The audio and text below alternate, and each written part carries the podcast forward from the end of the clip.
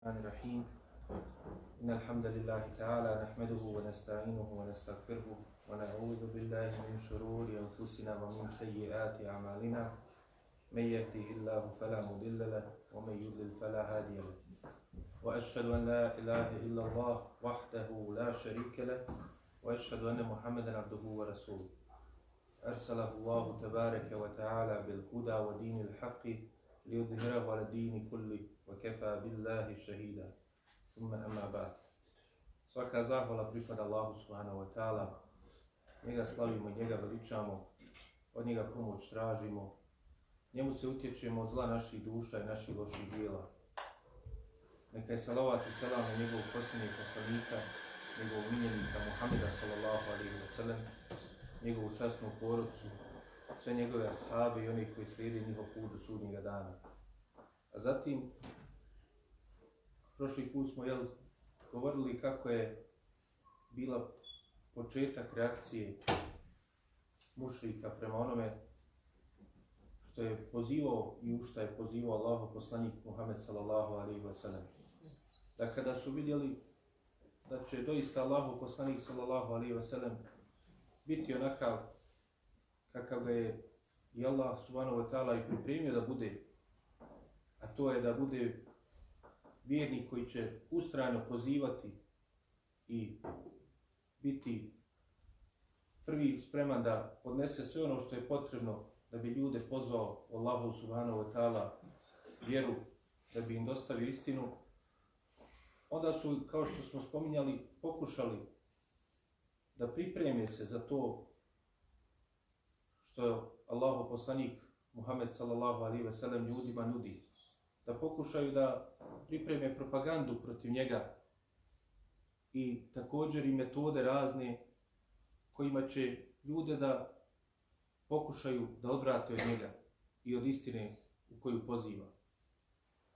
Pa večeras ćemo za lavu pomoć spomenuti sažetak tih metoda raznoraznih koji su koristili mušrici protiv Allahov poslanika Muhameda sallallahu alaihi ve sellem sve do kraja njegovog života. Ali posebno u ovom prvom periodu, periodu kada je tek počinjao poziv Allahovog poslanika Muhameda sallallahu alaihi ve sellem. Tek kada je, dakle, stvarala se ta zajednica onih najodabranijih Allahovi robova koji će biti uz Allahovog poslanika do kraja i koji će uzdignuti i zajednicu muslimana, tu prvu zajednicu, a s njom uz Allahovu pomoć i Allahovom dozvolom uzdignuti i Allahovu vjeru islam. Pa dakle, njihov zadatak je bio veliki i njihova misija je bila velika. Ono što su oni imali pred sobom da završe za Allahu subhanahu wa ta'ala vjeru je nešto najbolje što su mogli da radi. Allahu poslanik Muhammed sallallahu alaihi ve sellem je dakle, imao najbolju misiju koju jedan Allahov rob može imati. A još kao pečas vjerovijesnika i poslanika, to, tu misiju onda je činio još veličanstvenijom i većom. Mušici od samog starta, kao što smo iz neki od njihovih dakle, načina i metoda koji su već počeli da primjenjuju, videli smo da su od samog starta željeli da odvrate od Allahove vjere. I sve su stavili na stranu. Sve ono što su znali o, o Allahovom poslaniku Muhammedu sallallahu alaihi ve sellem, o njegovoj ličnosti, o njegovim vrijednostima, o njegovom položaju među njima, sve su to zanemarili, odlučili su da zaborave i da se usprotive istini. Jer kao što smo i spominjali, dakle, nužna je borba između dobra i zla. Nužno je da oni koji u sebi kriju to zlo i nose ga i rade po zlu, da iskažu to zlo i prema onima koji su na putu istine. To je jednostavno Allahov zakon na ovom svijetu. Iz opet Allahove mudrosti da se onda pokaže kako će postupati oni koji su na istini, da li će ustrajati na tom putu, da li će biti pravedni ili će kureniti putem nepravde, pa makar i prema tim koji su na putu zabude i zla, Dakle, sve to da se pokaže i da se vidi, neophodna je bila ta borba između dobra i zla. I da bi se na kraju istakla istina. da bi se uzdigla nad svim zlom, onda su morali ti koji su bili na putu zabluda da pokažu šta imaju. I na kraju, na kraju svih tih metoda vidjet ćemo da nisu imali silu argumenta sa sobom, nego su imali argument sile. I to je uvijek ono što imaju. I ta propaganda, i to ismijavanje, i na kraju fizička borba, zlostavljanje onih koji su na istini, to je samo dokaz njihove nemoći. I dokaz da nemaju snage u istini, kako oni bar misle da je istina, ako misle da je istina ono što je kod njih, nemaju snagu argumenata, nego onda na kraju pribjegnu jedino što mogu, a to je dakle razne oblike sile kao argumenta da bi druge pozvali u to. I to je veličanstvenost Allahove vjere, da je Allahova vjera odlikovana time da mi pozivamo onako kako je Allahov poslanik Muhammed sallallahu alaihi ve sellem također pozivao, kao što možemo vidjeti kroz njegov život, da je pozivao sa dokazima i da nije mu bila potreba za bilo kakvom nasilnom ili E, dakle, propagandu ili tome slično ono što su koristili protiv njega da bi im se suprostavio. Dovoljno, dovoljna mu je bila istina koja mu je objavljena od Allaha uzvišenog u Kur'anu i ono što ga je podučavao Džibril ali i salam.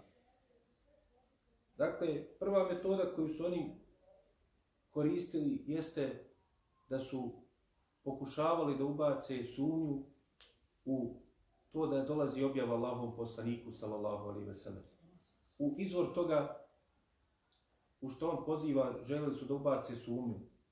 Da kažu da to nije od Allaha uzvišno, da nije objava. I koristili su na tom putu razne metode. Dakle, između ostalog govorili su da ga podučava čovjek. Kao što nas Allah uzvišeni obavještava i kaže idnema ju alimuhu beša. Govorili bi, jel, podučava ga čovjek. Dakle, nije to objava od Allaha. To je on od nekog preuzeo. Nekoga je tome podučio. Također, Allah uzvišeni na početku sure Furkan spominje razne metode koje su oni koristili u tom smislu. Pa kažu, govorili su vokalu esatirul awalin. Kaže, govorili su, to su kazivanja drevnih naroda. Sve to što ti spominješ.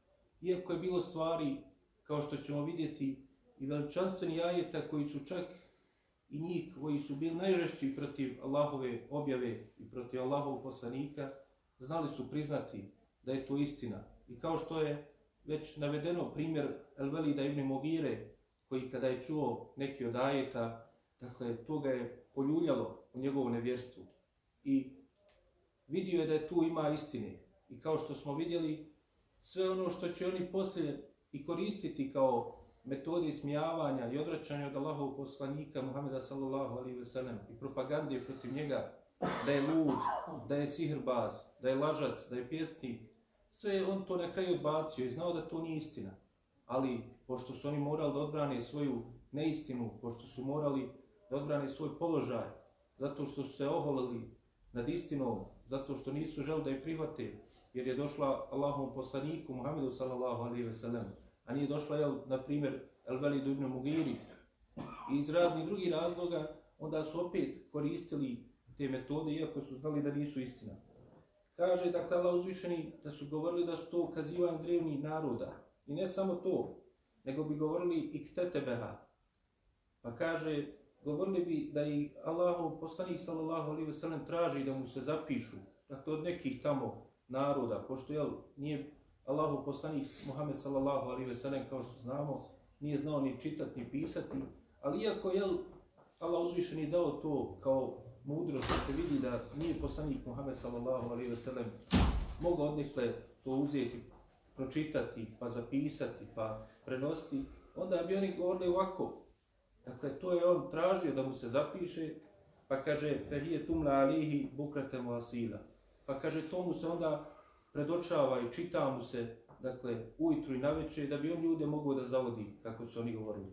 Dakle, šeitani i oni koji su na putu takvi, oni uvijek nađu metodu. Znači, kada se svi argumenti od njih otklone, sve sumnje, e, dakle, ukloni se sa puta da spoznaju istinu, onda oni opet dođu sa nekom novom sumnjom. Nije znao pisati i čitati, ali onda traže da mu neko drugi to zapiše i prepiše, pa onda da njemu to čita, da bi on mogao ljudima to govoriti. Također u tim ajetima s početka sure Furkan, Allah uzvišeni također nas obavještava da su govorili in haza illa ifkum.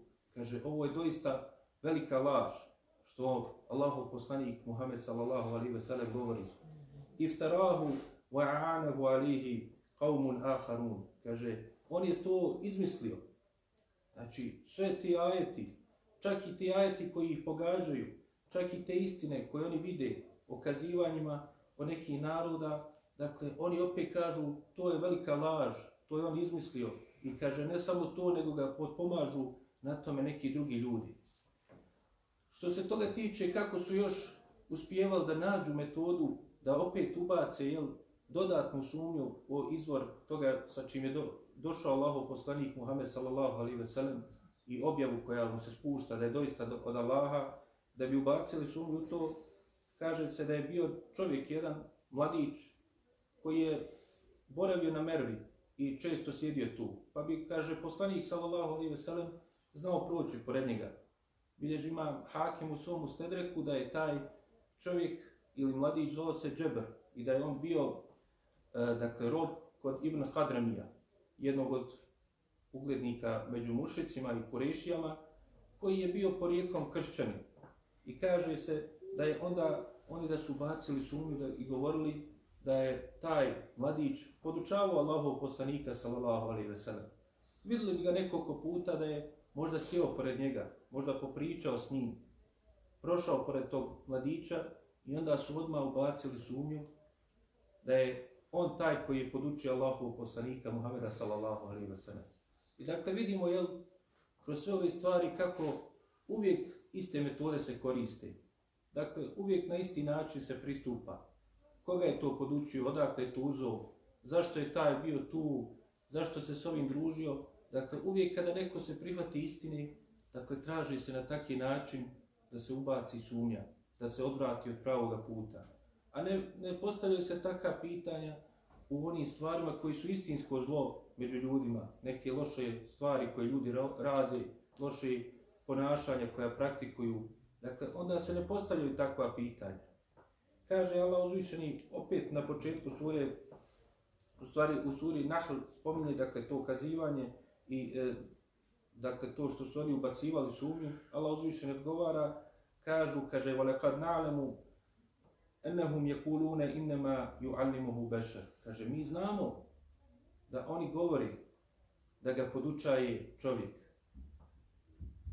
A kaže Allah uzvišeni dalje i objašnjava, jeli, pojašnjava besmislenost tih, toga što oni govore. Pa kaže Allah uzvišeni, lisanu ledine yulhiduna ilihi a'đamijun, wa hada lisanun arabijun mubin. Kaže, jezik toga koji goni naginju da je on ga podučaje, jest ne arab.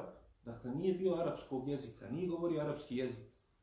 Nije mu to jezik dakle, koji je on mogao da poduči Allahu poslanika Muhameda sallallahu alaihi ve sellem da dođe sa ovim veličanstvenim ajetima iz Kur'ana. A kaže, a ovaj Kur'an je, je na jasnom arapskom jeziku. Dakle, je jasno besmislenost te sumnje, ali nažalost kad su ljudska srca bolesna, onda je na najveće gluposti povjeruju. A onda ono kada im se dođe sa jasnim dokazima, to odbace zbog ti jel, razni svojih interesa ili razni svojih dakle, šehvi i strasti koji im ne, ne dozvoljavaju da krenu tim putem istine. Također imam Buhari i Muslim u svojim sahijima prenose da je Allahovom poslaniku Muhammedu sallallahu alaihi ve sellem nakon što jedno vrijeme je prestala objava, spominje se dvije ili tri noći, pa je to pogodilo Allahov poslanika Muhammeda sallallahu alaihi ve sellem. Kao što smo vidjeli da je na početku, kada je u prvom periodu, dakle nakon prve objave, jedan period prestao prestala objava. Pa kaže se da je došla jedna žena Allahom poslaniku Muhammedu sallallahu alaihi ve sellem i rekla, kaže vidim da te ostavio šeitan. Prestao ti je šeitan dolaz da te podučaje tim, dakle, toj objavi koja je, kako ona misli, šeitanska objava. Pa nakon toga je Allah uzvišeni objavio prvi ajete iz sure Duha gdje Allah uzvišeni kaže od duha, o lejli iza seđa, ma wadda'ake rabuke wa ma qala. Kaže i tako mi jutra i noći kad utihne, nije te tvoj gospodar ostavio, ni te je omrznuo. Spominje se da je ta žena, kako kaže Ibn Hajar u Fethul Bariju, bila Umu Džemil, supruga od Ebu Leheba. I da je ona ta koja je to govorila. Pa dakle i takav način su govorili Allahom poslaniku Muhammedu sallallahu alaihi wa sallam. Znači čak išli su direktno da ga šeitan podučaje. I da je to objava ne od Allaha nego od šeitana. Nakon toga, kao drugu metodu su također koristili da su tražili od njega da dođe sa nekim većim čudesima, sa nekim drugim uđizama. Dakle, nije dovoljno bio Kur'an. Iako je on u istinu dovoljan, iako je on njih baš pogodio u njihova srca, ali oni su govorili, kao što bilježi Imam Ahmed, kaže, znali su doći i reći, zašto ne učiniš ovo brdo Safa da bude svo zlata? I zašto ne dadneš na ovim brdima našim ovde da bude plodna zemlja, pa da mi moramo tu da sijemo? Dakle, tražili su neke stvari koje nije ošte bilo njima pojenta u tome da dobiju te stvari. Čak i da su to dobili, ne bi im to bio dovoljno. Allah uzvišen je svemoća, mogu im je i to dati kao muđizu. Ali dao je Isa ali i Sanamu mnogo veće jel, muđize od toga što oni su tražili, da je oživljavao mrtve, da je liječio gubave, pa opet većina nije mu povjerovala. Također, jel, na početku sure Furkan, Allah uzvišeni iznosi ovu stvar da su govorili tako što kaže da su govorili mali hada rasul. Jekulu ta'am vo jemši fil da svak. Znači, govorili su ono upravo što je velika stvar Allahov poslanika Muhameda sallallahu alaihi ve sellem, da je bio jedan poput njih. Nije Allah uzvišeni poslao meleka. Dakle, pa jer da je postao meleka, oni bi rekli nije postao čovjeka. Nismo mi meleci da budemo, jel, kao što znamo i često i u naše vrijeme se to govori, nismo mi meleci pa da ne griješimo. Pa jel, Allah uzvišeni poslao jednog od njih, najboljeg porijekla kao što smo vidjeli, najčasnijeg, najboljeg čovjeka, najboljeg ahlaka, kojeg su oni cijenili i poštovali, a onda su oni opet našli u tome zamjerku. Kaže, šta je sa ovog poslanika? Jede hranu i hoda po pijacama. Kaže, Allah uzvišeni, zašto nije nam poslao nekog meleka da ga potpomogne? Ali dakle, Allahov poslanik Muhammed sallallahu alaihi ve sellem, kada se i prisjetimo na kraju sve šta su lijepo govorili o njemu, dakle, i kada se sjetimo kako su ga poštovali, cijenili, dakle, oni bi opet jeli, u toj stvari koja su naj, najveći dokaz za njih, oni bi izokrenuli i tražili da to bude argument protiv njega. Dakle, to je druga metoda koju su koristili. Sljedeća metoda je bilo također vezano za Kur'an. Dakle, za objavu koja je dolazila Allahom poslaniku, sallallahu alaihi ve sellem. Zato što su, dakle, oni pokušavali, dakle, da se suprostavi Kur'anu. Pokušavali su neki od tih njihovih pjesnika, pa nisu uspjeli. Dakle, da suprostavi se Kur'anu sa nečim sličnim. Pa je se posebno u tome ustakao Enadar ibn al-Haris. Kao što se kaže, jedan od šetana od mušrika u tom vremenu, kaže, koji je razne metode pokušavao da se suprostavi Kur'anu. Spominje se u nekim predajama, iako ima razilaženje oko njihove, oko njihove vjerodostojnosti, da je ovaj Nadar ibn Haris otišao u zemlju Perzijanaca i naučio neka kazivanja o, iz njihovog naroda, da bi kao uzvratio na kazivanja koja se spominju u Kur'anu. Dakle, oni su govorili da su to kazivanja drevnih naroda, izmišljotne drevnih naroda, Pa je onda on dolazio jel, sa sličnjima pokušavajući da se suprostavi Allahom poslaniku Muhammedu sallallahu alaihi ve sellem. Čak se spominje u predaji koja je slaba kao što kaže šeha Albani, dakle da je jedan od uzroka i povod objavi ajeta u kojem Allah uzvišeni kaže وَمِنَ النَّاسِ مَا يَشْتَرِ لَهْوِ الْحَدِيثِ لِيُدِلَّ نَاسَ عَنْ سَبِيلِ اللَّهِ kaže da je povod objavi ajeta u kojoj Allah kaže ima ljudi koji kupuju govor za razonodu ili govor, to jest jel, muziku i tome slično, da bi ljude odvodio na, sa pravog puta, da je bilo povod objave Nadar ibn Haris, koji je, kada bi se vraćao jel, iz Perzije, onda vodio sa sobom pjevaljke i razne plesačice, koje bi, kada bi vidio neko da se prihvatio Allahove vjere, onda bi ih pozivao sebi da ih te žene jel, zabave i da ih zavedu da bi iskrenuli sa pravoga puta. Iako, jel, po ispravnijem mišljenju, dakle, nije to bio povod objave toga ajeta, ali, dakle, pokušavali su na razne načine da Kur'anu se suprostave. Allah uzvišeni je objavio ajete, kao što kažu mufesiri, po pitanju ovog Nadra ibn Harisa. To jest ajeti u kojima kaže Allah uzvišeni وَيْلُونِ لِكُلِّ أَفَاكِ نَسِيمِ Kaže, teško li se onom svakom lašcu i griješniku? Kaže se dakle da je to se prije svega mislilo na Nadra ibn Harisa. Zašto? Zato kako je on postupao. Allah je opisuje pa kaže Jesmeo ajati Allahi tutla alihi. Kaže, on bi čuo da se objavio Allahovi ajati. Pa bi, kaže, onda se uzoholio, suprostavio se. Pa kaže, thume jesiru mustekviran mustekbiran ke ennem jesmaha. Onda bi se on uzoholio i ustrajio na onome na čemu je bio, dakle, suprostavljan. I kao da nije, kaže, uošte ni čuo te ajete. Kao da nije čuo te veličanstvene ajete koje Allah uzvišeni objavljuje. Pa Allah uzvišeni im kaže na kraju, fe beširhu bi na nim. A ti njega, kaže, obraduj sa teškom kaznom koja ga sljeduje za to kako je postupao. Onda sljedeću metodu koju su koristili jeste da su psovali Kur'an. Dakle, vrijeđali ono što se objavljuje u Kur'anu. Govorili najružnije stvari.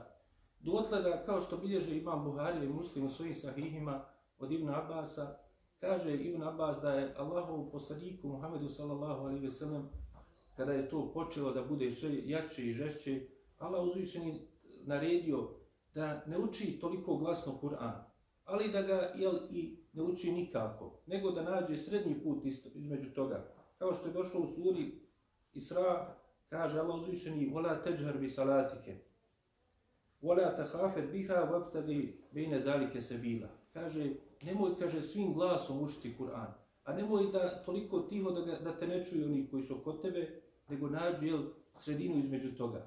I to je veliko pravilo u pozivanju Allahovog poslanika Muhameda sallallahu alaihi ve sellem. Slično onome što je Allah uzvišeni objavio također po pitanju njihovih božanstava, gdje je rekao وَلَا تَسُبُوا الَّذِينَ يَدْعُونَ مِنْ دُونِ اللَّهِ وَلَا, uh, dakle, وَلَا تَسُبُوا الَّذِينَ يَدْعُونَ مِنْ دُونِ اللَّهِ فَيَسُبُوا اللَّهِ Allah uzvišeni naređuje Allahom poslaniku Muhammedu sallallahu alaihi ve sellem.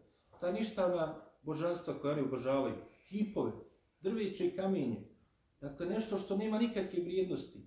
Smiješno, općenito, jel, da nešto se tako obožava, ali Allah uzvišeni naređuje Allahom poslaniku i kaže, nemojte, kaže, sovati to što oni pozivaju i što obožavaju mimo Allaha uzvišenog, da ne bi oni onda psovali Allaha uzvišenog.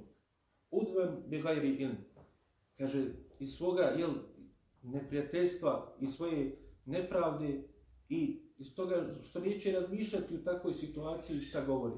I to često vidimo, općenito, jel, kao što kažu učenjaci iz ovoga veliko pravilo, da čovjek, jel, kada naređuje na dobro, kada ukazuje na, nek, na neku stvar, kada poziva istinu, mora voditi računa kakva će biti povratna reakcija.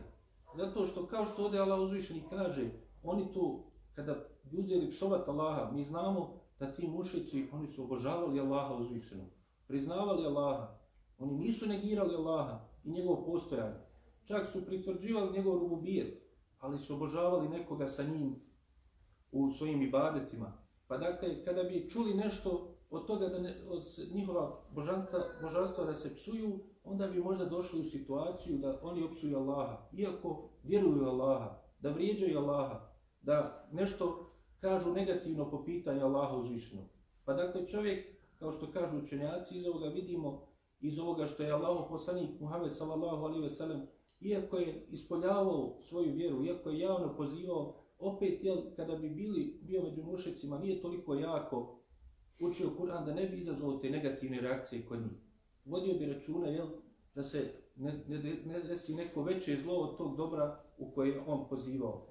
Pa dakle, to je još jedna od metoda koju su oni koristili u borbi protiv Allahov poslanika Muhameda sallallahu alejhi ve sellem i odvraćanja od istine. Sljedeća metoda koju su oni koristili jeste da su Allahov poslanika Muhameda sallallahu alaihi ve sellem njegove ashabe vrijeđali na najgori način, da su ismijavali se sa njima, izvrgavali ih podruzi, da su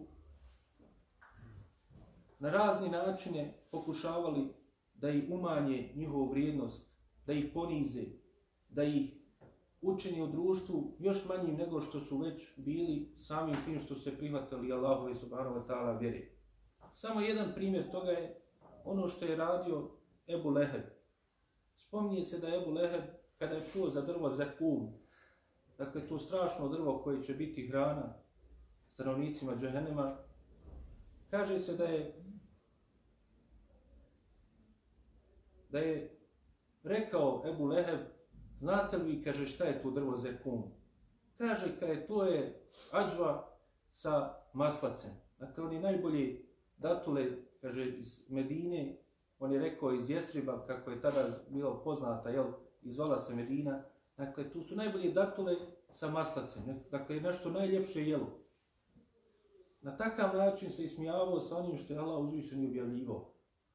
Pa je nakon toga Allah uzvišen i objavio mnogi ajete u kojima opisuje, jel, šta je istinski to drvo zekum, da nas Allah sačuva, da budemo od onih koji će jesti to drvo.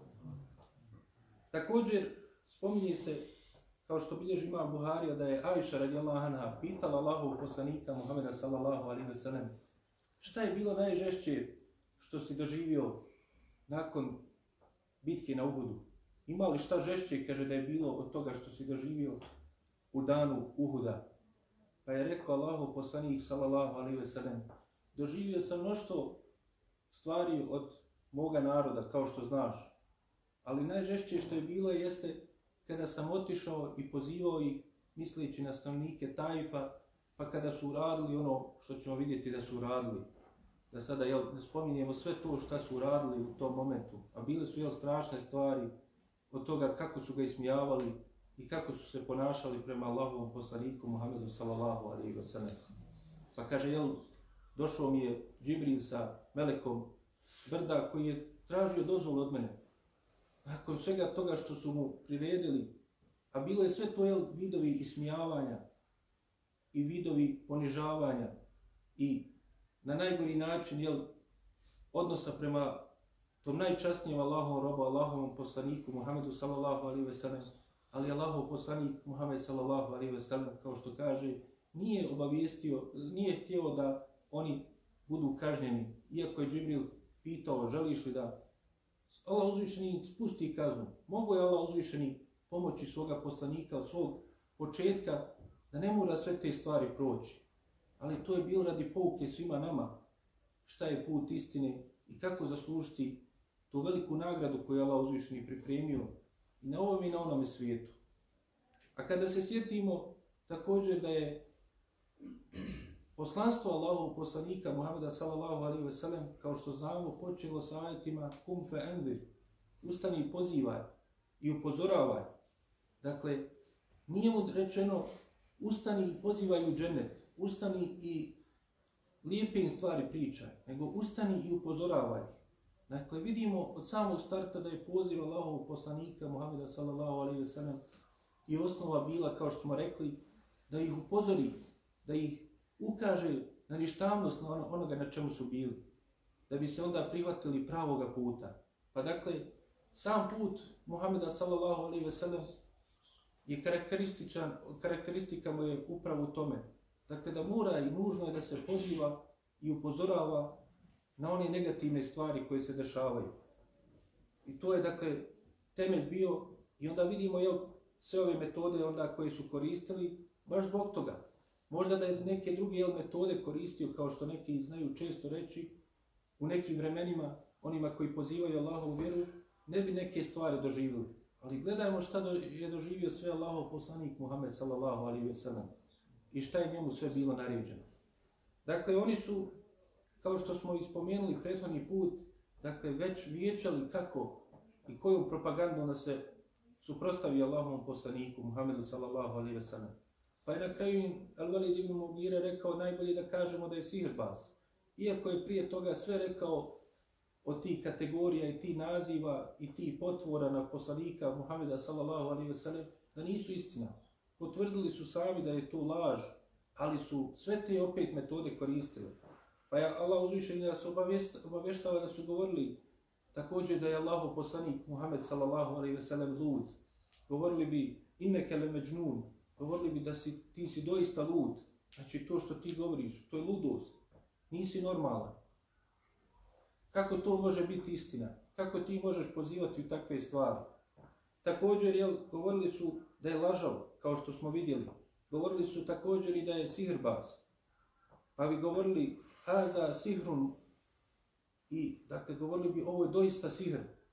Također bi govorili, bel iftarahu, bel ko je šair. Govorili bi, kaže, on ovo izmišlja. Čak šta više, on je pjesmi, pjesnik. Iako su znali, kao što smo vidjeli, i iz opisa Allahov poslanika, njegovog odgoja i njegovog odnosa i kako je funkcionisao u društvu mekanskom, da to nema veze sa njim. Ali dakle, spram vremena, spram osoba kojima bi se obraćali, kada bi vidjeli da neka metoda može upaliti, onda bi govorili. I to uvijek vidimo da se uvijek koristi kao metode. Zato, dakle, iz svih tih stvari čovjek treba uzeti pouku. Dakle, da ako je Allahov poslanik Muhammed sallallahu alaihi ve sellem tako prošao, njegovi ashabi, šta onda mogu očekivati oni nakon njih? Šta mogu očekivati kroz svako vrijeme oni koji su pozivali u Allahu subhanahu wa ta'ala vjeru? Koji su, kao što smo rekli, pozivali u najljepšu riječ, kelime tajibe, a to je, dakle, ta riječ la ilaha illallah. Ali, dakle, oni koji su istinski spoznavali i odbijali tu riječ, onda su oni morali to da i prikažu na svojim dijelima tako što se suprostavljali Allahom poslaniku Muhammedu sallallahu alaihi ve sellem. I svi ti stvari, dakle, kao što vidimo, Allahom poslaniku Muhammedu sallallahu alaihi ve sellem, teško je padalo to što su mu govorili. Također, jel, to smo spominjali u ajetima koji su došli upravo nakon ajeta u kojima je naređeno Allahom poslaniku da javno poziva, da je Allah uzvišen i rekao وَلَكَدْ نَعْلَمُ أَنَّكَ يَدِيكُ صَدْرُكَ بِمَا يَكُولُونَ Da je Allah uzvišen i rekao da, kaže, mi doista znamo da je tebi teško pada ono što oni govore o tebi. Teško je padalo Allahom poslaniku Muhammedu sallallahu alaihi ve sellem. Što kažu učenjaci, jel čovjek koji je osoba poput njega, koji ima ugled, ima položaj određen u društvu, dakle, i cijenjenje, onda je teško mu pada kada ga napadneš ne sa strane fizičke, da ga ugroziš fizički, ili kao što je vidjeli, vidjeli smo iz ove predaje što je on rekao Ajši radijela Ana, da je najteže mu palo to što su ljudi govorili o njemu. Zato što je takvim osobama to teško pada, za razliku od onoga koji možda nije na takvom položaju. Ali Allah uzvišeni obavještava Allahov poslanika i kao što kažu učenjaci kroz Kur'an vidjet ćemo da u mnoštvo ajeta Allah uzvišeni raznim metodama poslanika sallallahu alaihi ve sellem podupire i daje mu snagu da zanemari te stvari. I što kažu, jel, te stvari se mogu sažeti u više stvari koje koristi Allah uzvišeni u Kur'anu u obraćanju i Allahom poslaniku i ashabima i svima onima koji budu doživjeli takve stvari na putu slijedženja Allahove subhanahu wa ta'ala vjeri. Prva stvar što, se, što kažu jeste da iz svega toga, i to je ono što i logički se može vidjeti da onda sve to što su oni govorili, govori o njima. Da oni nisu imali argumente, nisu imali dokaze. Allah uzvišeni kaže, kul hatu burhaniku, dajte vi vaše dokaze, dajte vi nešto što je dokaz da može se suprostaviti u istini koja vam dolazi, ovim ajetima. Nisu imali. Također Allah uzvišeni obavještava Allahov poslanika i sve nas da je to bio sunet svih poslanika kojih su oni doživjeli. Da je to bilo ono što je zadesilo svi njih. I govori zato u mnogim ajetima Fasfir pa bi onda navodio. Navodio bi primjer Davud ali salam. Navodio bi primjer Ulul Azmi Mina Rusul, najodabranijih poslanika. Kaže mu sabori i onda bi navodio primjer njih. Treća stvar jeste da upravo to da je post, da je Allah uzvišeni poslanika Muhameda sallallahu alaihi ve sellem posticao da saburi na pravome putu i da istrpi sve to. Također, kao što smo vidjeli ovim ajetima kada je Allah uzvišeni obavijestio poslanika da zna da mu je teško to pada, istakao dakle da teško pada Allahom poslaniku to što doživljava, onda ga nudimo i rješenje za to. A to je dakle da se što više posvijeti ibadetu, Fesebbih bihamdi rabbike, wa kun mine sađidin, wa'bud rabbeke hatta tijeke lekin. Kaže Allah uzvišeni, ti kaže, veličaj svoga gospodara i hvali ga i budi od onih koji čine seždu, to je sklanjaj, obavljaj što više seždi, što više klanjaj Allahu uzvišenom, što više dakle ibadeti mu. I kaže, obožavali svoga gospodara dok ti ne dođe jekin, to je smrt. Također Allah uzvišeni kaže u nekim ajetima, kada ga postiče na sabur, također ga postiče i na to da ibadeti Allahu što više. Pa kaže, fasfir ala ma je kulu. Dakle, upravo na ovu stvar se ponovo vraća. Kaže, ti osaburi na onome što ti oni govori. Od ti loših stvari, što te nazivaju kao u našem vremenu da si sektaš, da si od onih koji cijepa džemat muslimana, da si od onih koji slijedi tu ili, tu, tu ili ovu zavodu, znači osabori na tome. Ali kako ćeš osaboriti? Šta je tajna tog sabura? Gdje ćeš naći snagu za, tu, za taj sabur? Allah uzvišeni kaže va sebih vi hamdi rabbike, kable tuluji šemsi va kable gurubiha.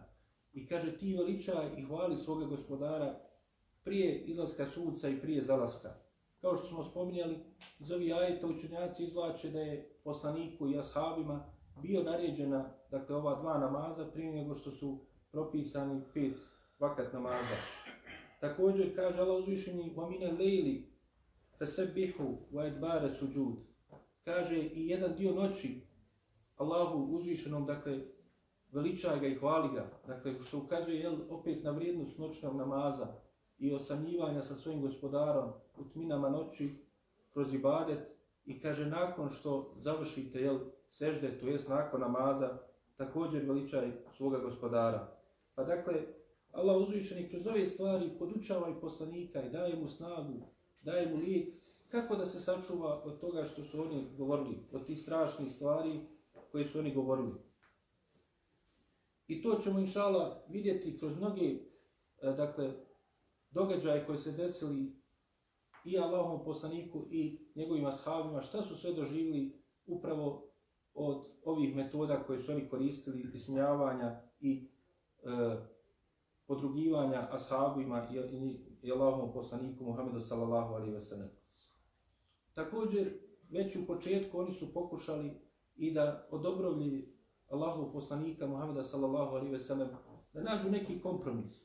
Dakle, da, da se dogovori na nečemu. Eto, videli su da je on ustrajan, da je on čvrst i postoja na Allahovoj vjeri, pa onda kaže, gdje ti odustani od nečega, pa ću mi odustati od nečega. Gdje da nađemo neki srednji put između istine i zavude. Ali srednji put između istine i zavude je opet zavuda. Istina je samo jedna. Pa zato Allah uzvišeni kaže وَدُوا لَوْ تُدْهِنُوا فَيُدْهِنُوا Kaže, oni bi volili da ti malo popustiš, pa bi i oni onda popustili. Kaže se da je čak jedna grupa njih otišla, dakle tih najuglednijih velikana i Kureša, a predvodnika mušlika, otišla Allahom poslaniku Muhammedu sallallahu alaihi ve sellem. I El Velid ibn Mugire, i također uh, El As ibn Vail, El Sehmi, i e, Umej ibn Halef i drugi, otišli su Allahom poslaniku Muhammedu sallallahu alaihi ve sellem, pa rekli, kaj šta misliš da jednu godinu mi obožajemo Allaha, a drugu godinu ti da obožaješ naša božanstva. I to kažu učenjaci da je bio povod objave sure Kafirun, u kojoj Allah uzvišeni kaže Allahom poslaniku i naređuje mu da ih obavijesti. Kul ja juhel Kafirun, reci o vi koji ne vjerujete, dakle o vi nevjernici, vi koji nećete pravu istinu, Nije problem. Ostanite vi na čemu jeste. Ali znajte, znajte da Allahu poslanik Muhammed sallallahu alaihi wa sallam la abudu ma tabudu. Ja ne obožavam ono što vi obožavate. Wala entum abdune ma abetu. I kaže, ja, i vi ne obožavate ono, uh, wala entum abdune ma abud. I vi ne obožavate ono što ja obožavam. Dakle, Allah uzvišeni obavještava Allahov poslanika do kraja ove sure da ih obavijesti Dakle, niti oni obožavaju ono što oni obožavaju, niti su oni obožavaju ono što on obožaje, niti je on obožavao ono što su oni obožavali, niti su oni obožavali onoga kojeg on obožava. I kaže na kraju, lekum dinukum, eto vama ta vaša vjera, valije din, nije lekao, jel, valije dini, a meni moja vjera, nego je rekao, a meni vjera, znači jedina istinska vjera, ja ću nju slijediti, a vi ostanite na tome. Pa dakle, Allahov poslanik, sallallahu alaihi ve sellem, da je moglo se naći pomirba između istine i laži, on bi je našao, ali nije dozvoljeno miriti između istine i laži da bi se jel, našao neki taj truli, kao što kažu, kompromis. Sljedeća stvar koju spominju također učenjaci, da su koristili kao metodu, što možemo i vidjeti, inšala vidjet ćemo iz dešavanja koji su uslijedila nakon ovoga, jeste da su oni čak otišli kod jevrija. Dakle, kao što ka, e, bilježi imam Ahmed u svom usnedu, otišli su jevrijima da pitaju njih, pošto su oni pripadnici knjige, dakle, dajte nam neke stvari da možemo pitati Allahov poslanika Muhameda sallallahu alaihi ve sellem na što neće znati odgovoriti. Pa su oni mu rekli, oni rekli mušicima, pitajte ga o e, stanovnicima pećine, pitajte ga o Zulkarneinu i pitajte ga o duši.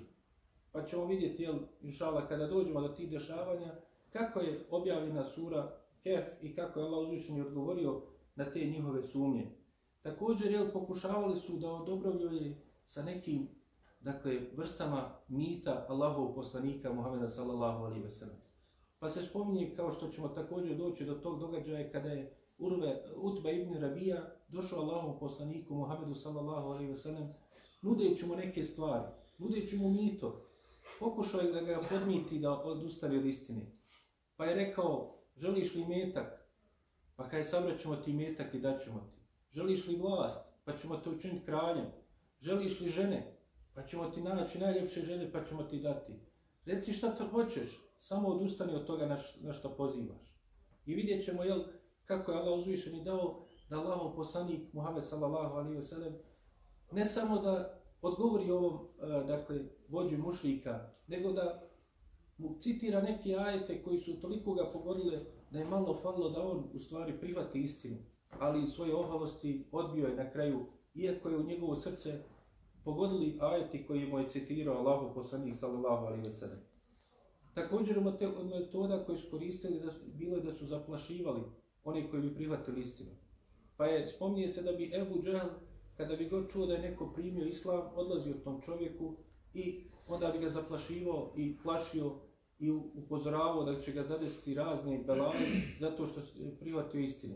Pa bi govorio ako je bio neki trgovac da će mu propast trgovina, da će njegov ono što se bavi od posla, da neće niko htjeti uzimati ako je bio na nekom drugom položaju, imao nešto drugo važno ili vrijedno u svome životu, plašio ga je da će to izgubiti, da će oni uraditi sve da to on izgubi. Također, više puta, i to je, vidjeli smo u nekim momentima, oni su išli kod Ebu Taliba. Pokušavali su preko njega da priđu Allahom poslaniku, sallallahu alaihi ve sellem. Od prvih momenta, jel, kada su čuli da on poziva, otišli su Ebu Talibu ali onda su i više puta ponovo išli.